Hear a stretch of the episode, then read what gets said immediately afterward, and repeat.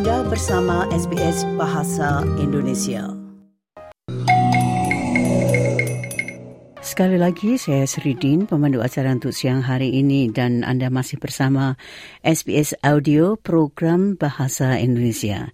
Nah, untuk kali ini saya akan mengangkat sebuah novel yang berjudul Nempari, yaitu singkatan dari Negeri Empat Musim dalam Sehari dan siapa penulisnya?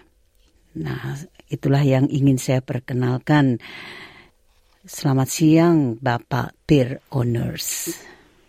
Selamat siang, Bu Sridin. Apa kabar? Bagus, bagus, Bapak. Jadi, mungkin saya akan sedikit perkenalkan. Jadi, Bapak Peer Owners adalah dosen di Universitas Bersada Yayasan Administrasi Indonesia di Jakarta yang saat ini tengah merampungkan studi PhD-nya atau S3-nya di Universitas Victoria di Melbourne. Bapak, ada pepatah dalam bahasa Inggris itu yang intinya kalau Anda ingin sesuatu pekerjaan itu selesai, justru berikanlah kepada orang yang sibuk. Betul atau tidak itu? Atau sejauh mana itu kebenaran ekspresi tersebut? Oh, Terima kasih sebelumnya SBS untuk kesempatan ini dan Ibu Sri. Uh, pepatah itu sebenarnya menarik, tetapi saya yang terbiasa dengan dunia akademis belum bisa memberikan kepastian sejauh mana itu sebenarnya valid atau tidak ketika diberikan kepada orang sibuk maka akan menjadi sesuatu yang lebih mempunyai daya guna, uh, ya, implikasi atau dampak uh, tersendiri. Namun memang ada kecenderungan bahwa orang yang sibuk itu akan cenderung uh, punya adrenalin atau semangat yang lebih ketika ada tantangan tersendiri terhadap dirinya. Jadi di situ mungkin poinnya. mungkin juga akan bekerja secara sistematis dan efektif, efisien kan begitu kan? Nah ini ini contohnya contohnya itu kalau saya panggil Pak Pir itu aduh rasanya kok jadi tua begitu padahal masih muda sekali jadi saya akan ganti sebagai bang saja itu mungkin lebih dekat jadi abang baik silakan jadi, Maksud saya begini, abang kan menyelesaikan, ya walaupun sekarang sudah submit ya tesisnya, sudah selesai, sudah tinggal selesai. menunggu wisuda kan ibaratnya. Sudah selesai, saya koreksi. Mungkin ibu terbawa dengan cerita fiksi di novel Nempari ini jadi menganggap bahwa itu adalah cerita saya. Padahal saya sudah selesai Maka mohon maaf saya berusaha untuk mengkoreksi kalau boleh. Oh, silakan memang itu yang diharapkan. Jadi sebenarnya saya harus mengatakan dokter atau ini memakainya dokter atau PhD ini. Monggo, dua-duanya sama saja. Hanya memang kebutuhan dramatisasi saya mencoba melabelkan itu dengan PhD di dalam karya novel saya yang ternyata Ibu Sri juga ya kalau boleh saya mengatakan terlena dengan apa yang saya paparkan di sana. Demikian. Loh, saya menginginkan pernyataan karena kalau saya mengatakan berarti nanti orang-orang jadi malah kurang asik nanti membaca membacanya begitu. Nah, sebetulnya sudah jelas sekali apalagi kalau kita lihat di bagian-bagian akhir ya di mana Bang Pir juga sudah mengatakan bahwa salah satu tujuan dari penulisan ini adalah selain memberikan informasi tentang sebuah kisah perjalanan anak bangsa di Melbourne Raya, ini katanya kalau saya boleh baca, ini juga menjadi sarana paling mumpuni untuk berkreasi dan berimajinasi setinggi dan seliar mungkin. Nah, itu ada kata-kata setinggi dan seliar mungkin. Jadi kalau kita lihat secara sekilas, ini apa sih isi dari buku tersebut, Bang? Iya, sebenarnya kalau saya boleh menjawab pertanyaan apa sebenarnya Nempari itu, maka jawabannya adalah Nempari sebuah novel fiksi yang mengelaborasi sisi imajinasi dan realita, juga akademis dan non-akademis, yang menceritakan tentang perjalanan pendidikan seorang mahasiswa Indonesia di luar negeri, yaitu di Melbourne, Australia, di mana latar cerita memasukkan salah satu masa suram peradaban manusia di dunia, yaitu saat pandemi COVID. Dan juga ada penggambaran tentang destinasi wisata Indonesia bernama Pulau Wakatobi di Sulawesi Tenggara. Begitu kira-kira nah, yang bisa saya elaborasi. Kalau tentang wakatobinya itu memang ya ada, tapi mungkin kita akan bicarakan di dalam kesempatan itu karena itu menyangkut juga penelitian abang juga kan ibaratnya. Kebetulan ada overlapping atau kesinambungan dengan eh, pengalaman pribadi saya. Ya, itu nanti. Tapi saya untuk kali ini, untuk pertemuan kita yang pertama ini, saya ingin membahas dulu tentang buku tersebut. Kalau tadi dikatakan ini cerita rekaan, tapi cerita rekaan itu kan juga pasti harus ada katakanlah kalau kita membuat uh, rumah itu kan ada kerangkanya kan, kerangka yang mendukungnya. Iya, betul sekali. Jadi sebenarnya novel Nempari ini adalah fiksi murni yang berasal atau menjadi buah dari imajinasi saya. Tapi itu terbentuk dari inspirasi saya selama menjalani pendidikan ya, PhD di Melbourne, ya. Australia ya. ini kita kembali ke novel itu. Jadi novel itu memang cerita rekaan. Tapi cerita rekaan itu tidak akan believable itu sepertinya tidak akan hidup kalau tidak juga didasari oleh hal-hal yang nyata atau atau fakta yang penting itu ibaratnya. Nah, di dalam novel ini terutama itu kan banyak sekali kan tips-tipsnya itu. Oh iya, betul sekali kalau bicara tentang tips erat kaitannya dengan uh, pesan moral uh, dari novel itu sendiri. Jadi sebenarnya kalau saya boleh uh, terbuka kepada Bu Sri, salah satu tujuan utama penulisan ini adalah menghasilkan harta pusaka atau legacy yang berdaya guna secara nyata atau real bagi kita semua termasuk memberikan tips itu menjadi sesuatu yang real, menjadi informasi yang dapat langsung digunakan oleh seluruh pembacanya. Dan uh, sebuah karya yang berdaya guna itu erat kaitannya dengan nilai-nilai positif. Itu sebabnya keseluruhan cerita novel ini mengandung banyak sekali pesan moral yang disampaikan secara implisit dan tidak menggurui, termasuk di dalamnya tips-tips tentang bagaimana bertahan hidup, bahkan jauh sebelumnya bagaimana mendapatkan kesempatan dalam konteks beasiswa untuk melanjutkan studi pendidikan tinggi di Australia. Iya, kalau bagi saya jelas sekali itu, Bang. Sebetulnya sebelum saya menyelesaikan keseluruhan buku tersebut, saya pikir, wah ini kok detail sekali ini. Kan saya belum membaca itu karena tujuannya itu kan baru disampaikan pada halaman 200 kan itu. Jadi saya belum membaca secara apa gamblangnya itu. Nah, tadinya memang dipakai ini hanya berkutat pada pemberian informasi tentang bagaimana untuk mendapatkan beasiswa atau bagaimana untuk dapatnya kuliah di mancanegara itu. Nah, Abang kalau kita boleh bagi dalam cerita-cerita ini akan ada kalau dari awal persiapan bagaimana mempersiapkan diri misalnya. Terus iya. bagaimana kehidupan bagaimana masyarakat lingkungan dalam arti masyarakat lingkungan mahasiswa itu sendiri. Nah, saya belum melihat hubungan antara mahasiswa itu sendiri dengan penduduk setempat, Bang.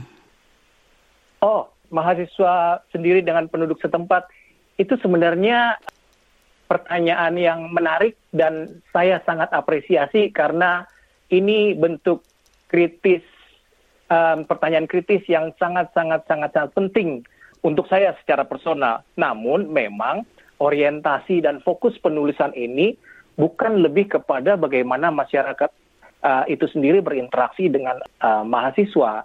Jadi uh, kalaupun ada dan memang sudah saya tuliskan lebih kepada bagaimana mahasiswa dalam konteks mahasiswa Indonesia yang ada di Melbourne berinteraksi dengan komunitas-komunitas, kalau boleh itu disebut sebagai representasi atau perwakilan dari masyarakat setempat. Dalam hal ini, komunitas yang diwakili adalah komunitas agama, seperti saya saya menuliskan di situ ada beberapa komunitas agama di pengajian pengajian tertentu. atau gereja. Iya. Ya, Nah, uh, itulah bisa mewakili kira-kira. Iya, tapi itu kan lingkungan yang sempit begitu. Maksudnya memang kita selalu melihat sesuatu dari kacamata protagonisnya ya, yaitu yang namanya Reno. Jadi saya akan katakan Mas Reno gitulah. Mas Reno Baik. dan ini petualangan Mas Reno dan keluarganya gitu kan.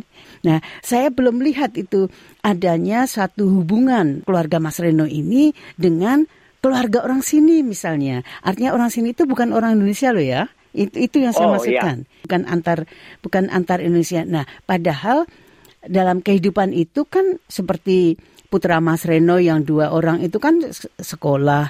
Nah, kok saya belum melihat adanya oh ini misalkan putra-putranya si Le dan Elisa itu misalnya untuk oh mungkin mereka akan ini sleep over atau oh ada teman yang datang bermain di rumah. Nah, itu saya belum melihatnya, mungkin saya yang kurang jeli itu. Misalnya. Oh tidak, betul sekali. Penglihatan Ibu Sri sangat-sangat tajam dan sangat-sangat benar.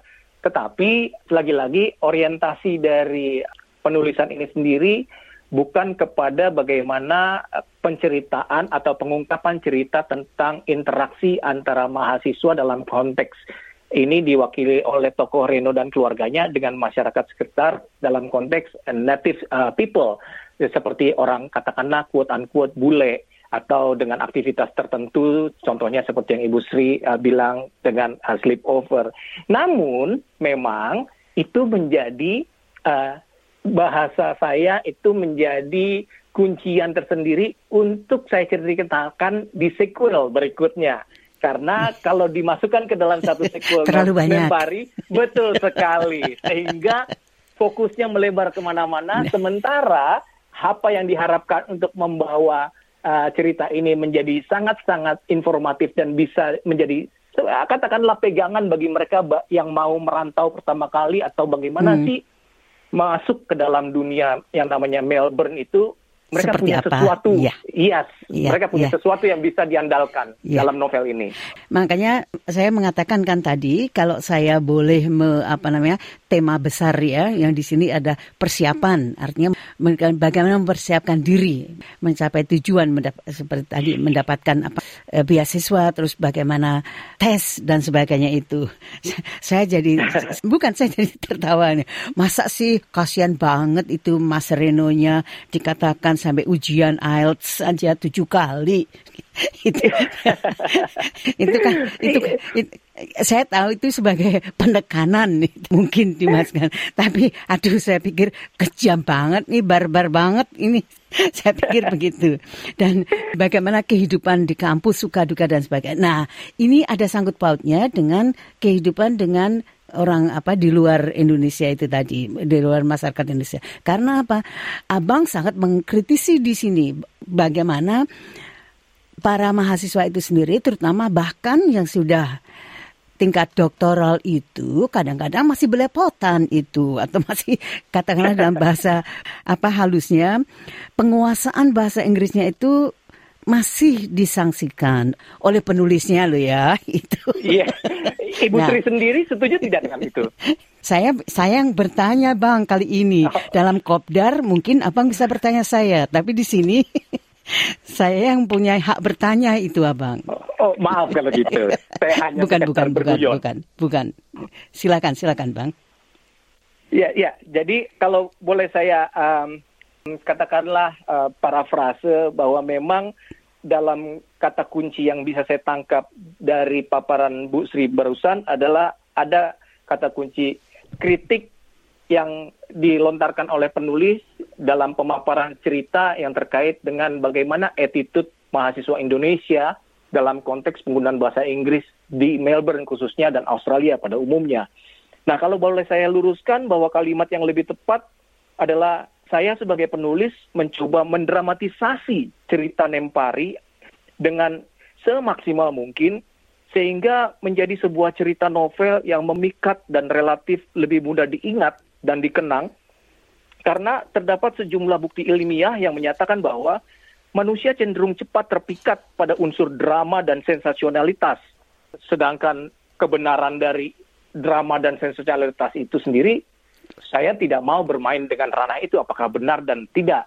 Tetapi itu yang saya mau eh, tampilkan di mana marah, eh, dendam, kritik dan hal yang terkait dengan itu adalah bagian yang tidak dapat dipisahkan dari sisi drama dan dramatisasi dari sebuah cerita di novel ini sendiri. Kira-kira begitu. iya itu memang hak dari penulis tetapi jangan lupa penafsir kan pembaca Betul sekali.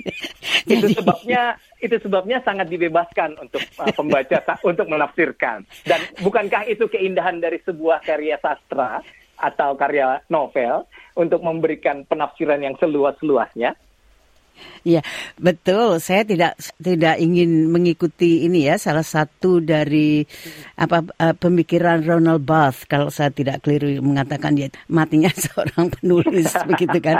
Bukan saya tidak tidak mengacu ke sana, tapi memang itu bagi saya kadang menggelikan begitu loh kadang-kadang karena tadi baurnya antara kenyataan dan rekayasa dan juga kreasi. Makanya saya tadi kan saya tekankan apa yang Abang katakan yaitu dengan kreasi dan imajinasi yang bahkan liar pun begitu kan. Itu iya. Tapi walau bagaimanapun juga itu walaupun ini didramatisasi ya memang itulah salah satu ciri-ciri dari penulisan bebas ya. Dan Betul. juga juga seperti kalau kita dalam play atau sandiwara itu kan juga itu ada dramaturgnya kan? Sehingga sehingga harus ada itu unsur-unsur dramaturginya itu harus ada. Betul sekali. Ya. Tapi kan juga ada unsur unsur apa bukan kebenaran tapi sebetulnya itu adalah memang apakah itu disadur apakah itu karena dilihat, karena itu diperhatikan, yaitu yang menjadi suatu hal yang ada, hal yang terjadi kan begitu. Tapi mudah-mudahan kehidupan dari mahasiswa yang digambarkan di sini yaitu sempitnya ruang gerak mereka dalam arti yang Abang pasti tahu ke arah saya ini. Yang gerak yang sebenarnya dan juga secara metafor itu kan pasti terjadi itu. Ya, benar sekali. Sesungguhnya apa yang saya harapkan, impikan, dan cita-citakan untuk memberikan suatu karya novel yang penuh dengan dramatisasi sehingga memunculkan beragam penilaian dari para pembacanya berhasil saya wujudkan mimpi itu ketika mendengar pertanyaan dan pernyataan dari Bu Sri yang saya anggap sebagai wakil kecil dari banyak pembaca nantinya sebelum ini benar-benar memasuki pasar di toko buku toko buku uh, online di Indonesia. Tetapi konteks kebenaran yang sempat Ibu singgung di awal, saya punya pandangan bahwa apa yang diceritakan di sini sesungguhnya adalah murni imajinasi belaka. Rekayasa, iya. Ya. Kalau saya lebih menyebutnya sebagai imajinasi belaka karena saya tertarik dengan kalimat yang mengatakan bahwa imajinasi itu melampaui luasnya dunia, sementara pengetahuan hanya terbatas pada, saja ya. sifatnya. Jadi menurut saya dan banyak ahli yang sepakat bahwa imajinasi memiliki posisi yang lebih penting daripada pengetahuan.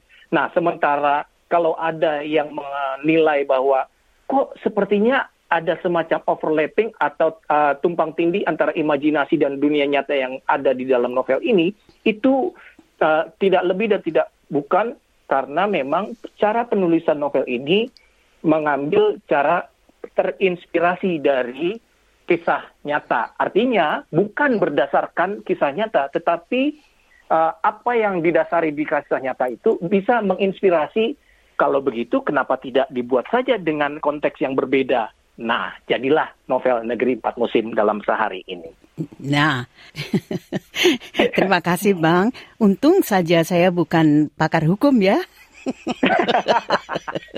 karena karena itu sudah ada satu apa itu namanya seolah-olah atau penyelipan dari pengakuan itu. Mengapa demikian? Karena ada rujukan pula kan. Jadi kalau forum uh, forum mahasiswa itu sendiri itu kan benar kan kan ada juga forkopnya itu. Itu imajinasi saya, itu saya buat aja sendiri namanya. Iya, tapi tapi forum itu kan ada bang, itu loh maksud walaupun disamarkan dengan nama yang lain misalnya. Kalau mau dianggap sebagai ada, saya juga bertanya-tanya adanya di mana, wong forumnya juga nggak ada. Itu aja lah apa ya forum-foruman yang tidak tidak eksis sama sekali karena orangnya juga tidak ada. Nah makanya saya katakan itu adalah bagian dari imajinasi saya yang terinspirasi dari kumpul-kumpulnya orang yang saya katakan dalam sebuah forum. Begitu kira-kira. Saya saya memang kadang-kadang senyum-senyum juga waktu membaca dan memang memang begitu kan. pada waktu itu peluncurannya yang dilaksanakan di Universitas Melbourne itu kan pertengahan Desember kan Bang ya pada waktu itu. Betul sekali. Iya. Jadi berarti ini kan sudah ada banyak lah paling tidak orang-orang yang sudah membacanya. Bagaimana dengan tanggapan-tanggapan mereka? Iya, uh, khusus untuk tanggapan dari para pembaca sebenarnya sudah ada beberapa kalau boleh saya uh, katakan dan belum banyak karena memang ini masih terbatas Batas, iya. dibagikan hanya bagi mereka yang sudah menghadiri peluncuran di uh, University of Melbourne eh, pada tidak 15 semuanya loh. Desember. Maksudnya? itu pun juga tidak semuanya kebagian kan bukunya, Bang? Oh iya, memang karena memang tidak diberikan secara total karena pembagiannya berdasarkan apa kuis tertentu gitu. Jadi kalau boleh saya menyadur uh, bahasa orang sini atau bahasa Inggris, uh, it's it's going to be their loss. Kenapa di, mereka tidak berusaha untuk seaktif mungkin untuk mem mencoba untuk menjawab pertanyaan dengan mempertinggi kesempatan mendapatkan buku. That's their loss gitu loh. Nah, kembali lagi. Itu barbar lagi kalau bagi saya. Sebenarnya barbar itu juga masih bisa diperdebatkan, tetapi kan ini bagian dari bagaimana menciptakan kesempatan yang se maksimal mungkin untuk, mendapatkan uh, ya. Iya, betul sekali. Karena tidak mungkin uh, buku itu diberikan sebegitu saja tanpa ada usaha. Dan itu adalah bagian dari apresiasi dari calon pembaca terhadap buku ini buku sendiri. Nah, Betul. jadi bukan masukan ya. Artinya dari respon atau tanggapan yang sudah ada bagaimana, Bang? Nah, yang bisa saya katakan atau yang bisa saya simpulkan dari beberapa masukan yang sudah ada yang pertama dan terutama, saya sangat takjub dan terkejut melalui media sosial saya di beberapa orang yang sudah mendapatkan dan membaca buku itu, mereka rata-rata bahkan ha saya bisa mengatakan hampir semua yang membaca itu lebih dari 10 orang itu mengungkapkan bacaan ini ringan dan mudah dibaca Mengerti, iya. karena ya. dalam sekali duduk mereka sudah bisa menyelesaikan mengerti, iya. bacaan. Bukan hanya mengerti tetapi sudah bisa menyelesaikan itu semua bacaan itu sampai 240 halaman. Dan itu kalau boleh saya sadur lagi bahasa Inggris ungkapan yang mengatakan wow that's page turning. so um, yes correct. It's amazing. Nah itu salah satu yang menjadi penilaian saya. Uh, mereka menganggap bahwa ini adalah bacaan yang ringan. Padahal saya sudah memasukkan beberapa yang menurut saya ada unsur-unsur filosofinya di dalamnya. Tetapi banyak. tetapi responnya dianggap sebagai bacaan ringan. Berarti sungguh cara saya mengungkapkan itu berhasil untuk dicerna secara mudah. Saya setuju dengan itu, Bang, karena memang ada kan saya membaca novel Indonesia juga, apakah itu melalui cerbung atau memang bukunya dan sebagainya, memang ada yang dapat seolah-olah effortless begitu. Kita sudah betul sekali. Itu udah mengerti, udah bisa nih. Tapi tergantung juga pada pembacanya juga loh Bang. Itu saya mengatakan demikian karena apa? Saya membaca itu biasanya memang saya baca itu baris demi baris, ibaratnya itu begitu. karena saya memang ingin menikmatinya dan menghayatinya begitu loh. Ada kan pembaca yang juga lewat apa uh, sudut mata aja, dret, dret, dret, seolah-olah begitu. Tapi kalau orang mengatakan ringan, mungkin karena bahasa yang digunakan, karena bahasanya sangat accessible, maka mereka menganggapnya ringan. Tapi kan tidak selamanya. Karena kalau kita membaca kan bukan saja yang tersurat, tapi kadang-kadang juga yang tersirat pula kan itu. Betul sekali. Saya setuju dengan apa yang Ibu Sri ungkapkan. Yang saya bisa tarik kesimpulan, bahwa memang komentar yang masuk penilaian terhadap uh, isi dari uh, bacaan ini bersumber dari mereka-mereka pembaca yang berlatar belakang pendidikan tinggi, yaitu rata-rata anak-anak master dari beasiswa LPDP yang menerima buku itu. Nah, menjadi pertanyaan besar adalah manakala ini dibaca oleh semua kalangan dari berbagai macam latar belakang pendidikan atau berbagai macam latar belakang pengetahuan, maka mungkin saja beragam penilaian akan berbeda dari sekadar hanya menyebutkan ini sebagai sesuatu yang ringan dibaca dan mudah dimengerti. Bisa-bisa orang sama-sama gelar master atau uh, S2 di Indonesia, bukan dari luar negeri seperti University of Melbourne, mengatakan ini sangat sophisticated atau, atau sangat sulit dicerna. Dan itu sangat mungkin.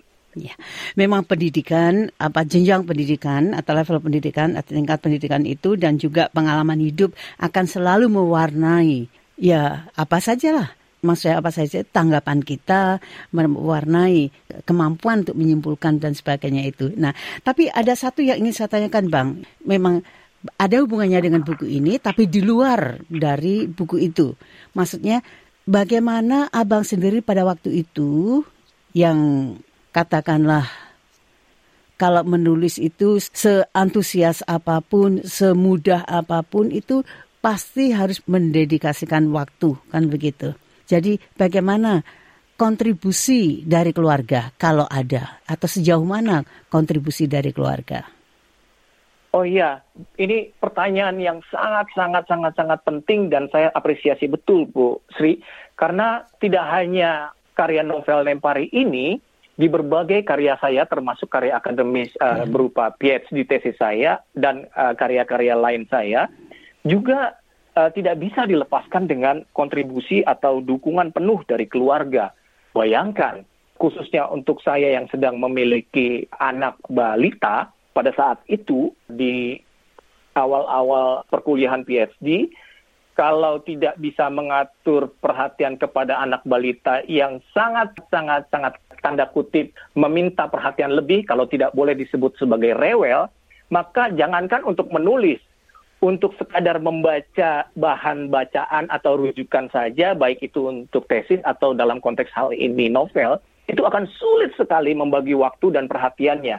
Karena bagi saya yang utama dan terutama adalah perhatian kepada keluarga. Apa pun yang terjadi, keluarga yang utama. Sehingga setiap rengekan, kalau boleh itu disebut rengekan oleh anak-anak saya, maka saya akan menutup semua uh, bahan bacaan, gadget dan segala hal yang berkaitan dengan itu dan akan memfokuskan kepada keluarga saya. Sehingga sering kali karena saya fokus pada keluarga, saya sering kali uh, bukan menunda tetapi menstop untuk sementara waktu ketika saya sedang bekerja dalam konteks uh, menulis novel ini. Lalu kemudian ketika mereka sudah tidur dan senyap, lalu saya kembali lagi untuk melanjutkan menulis dan begitu seterusnya. Tapi poinnya adalah keluarga sangat-sangat mendukung untuk penyelesaian novel Nempari ini. ini apa namanya simbiosis mutualism atau atau bagaimana itu namanya? Betul sekali, saling-saling sangat ya, menutupi ya. dan mendukung. Ya. Karena apa? Walaupun abang bilang, oh ini tidak ada ini dan sebagainya, sebagainya, tetapi itu merupakan bumbu dalam tulisan itu sendiri. Karena itu jelas jelas sekali. Sayang saya tidak beri batasan atau note itu tapi jelas sekali uh, sikap abang yang mendahulukan keluarga atau memberikan perhatian terhadap keluarga itu jelas sekali di sini. Jadi apakah itu disadari atau tidak? Pada waktu sekarang dikatakan, saya dapat mengatakan, mm -mm. so you just copy paste what you have in mind, copy paste your emotion, copy paste your feeling.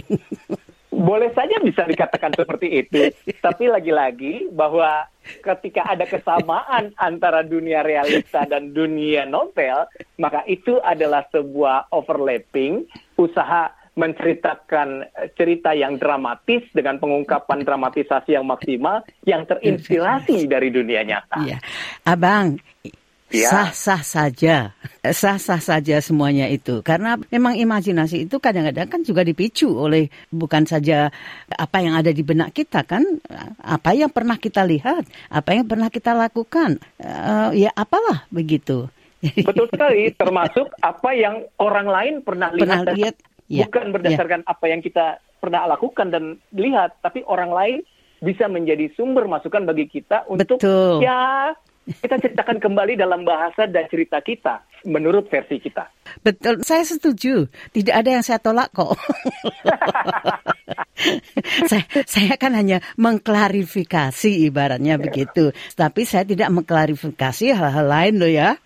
Jadi biar biar saja uh, para pembacanya nanti akan menemukannya. Mungkin akan menemukan hal-hal lain yang tidak kita ungkapkan. Jadi sekali lagi terima kasih sekali kepada Bang Peer Honors PhD dan juga atas sumbangan bukunya kepada ya. kita semua ya, menambah wawasan kita semua dan juga selamat yang telah berhasil menuliskan buku ini di mana pada waktu itu tentunya sangat sibuk sekali pula dan saya tidak harus bertanya mana sambungannya karena tadi sudah dikatakan dan di buku ini pun juga sudah dijelaskan secara gamblang.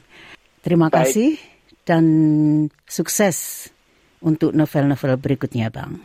Terima kasih kembali Ibu Sridi dan SBS Indonesia untuk kesempatan ini dan sampai jumpa.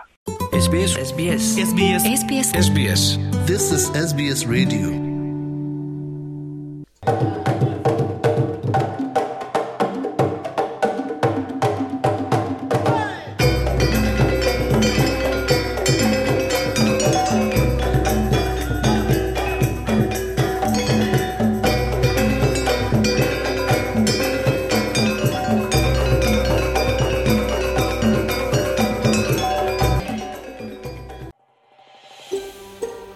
Ingin mendengar cerita-cerita seperti ini? Dengarkan di Apple Podcast, Google Podcast, Spotify, atau di mana pun Anda mendapatkan podcast Anda.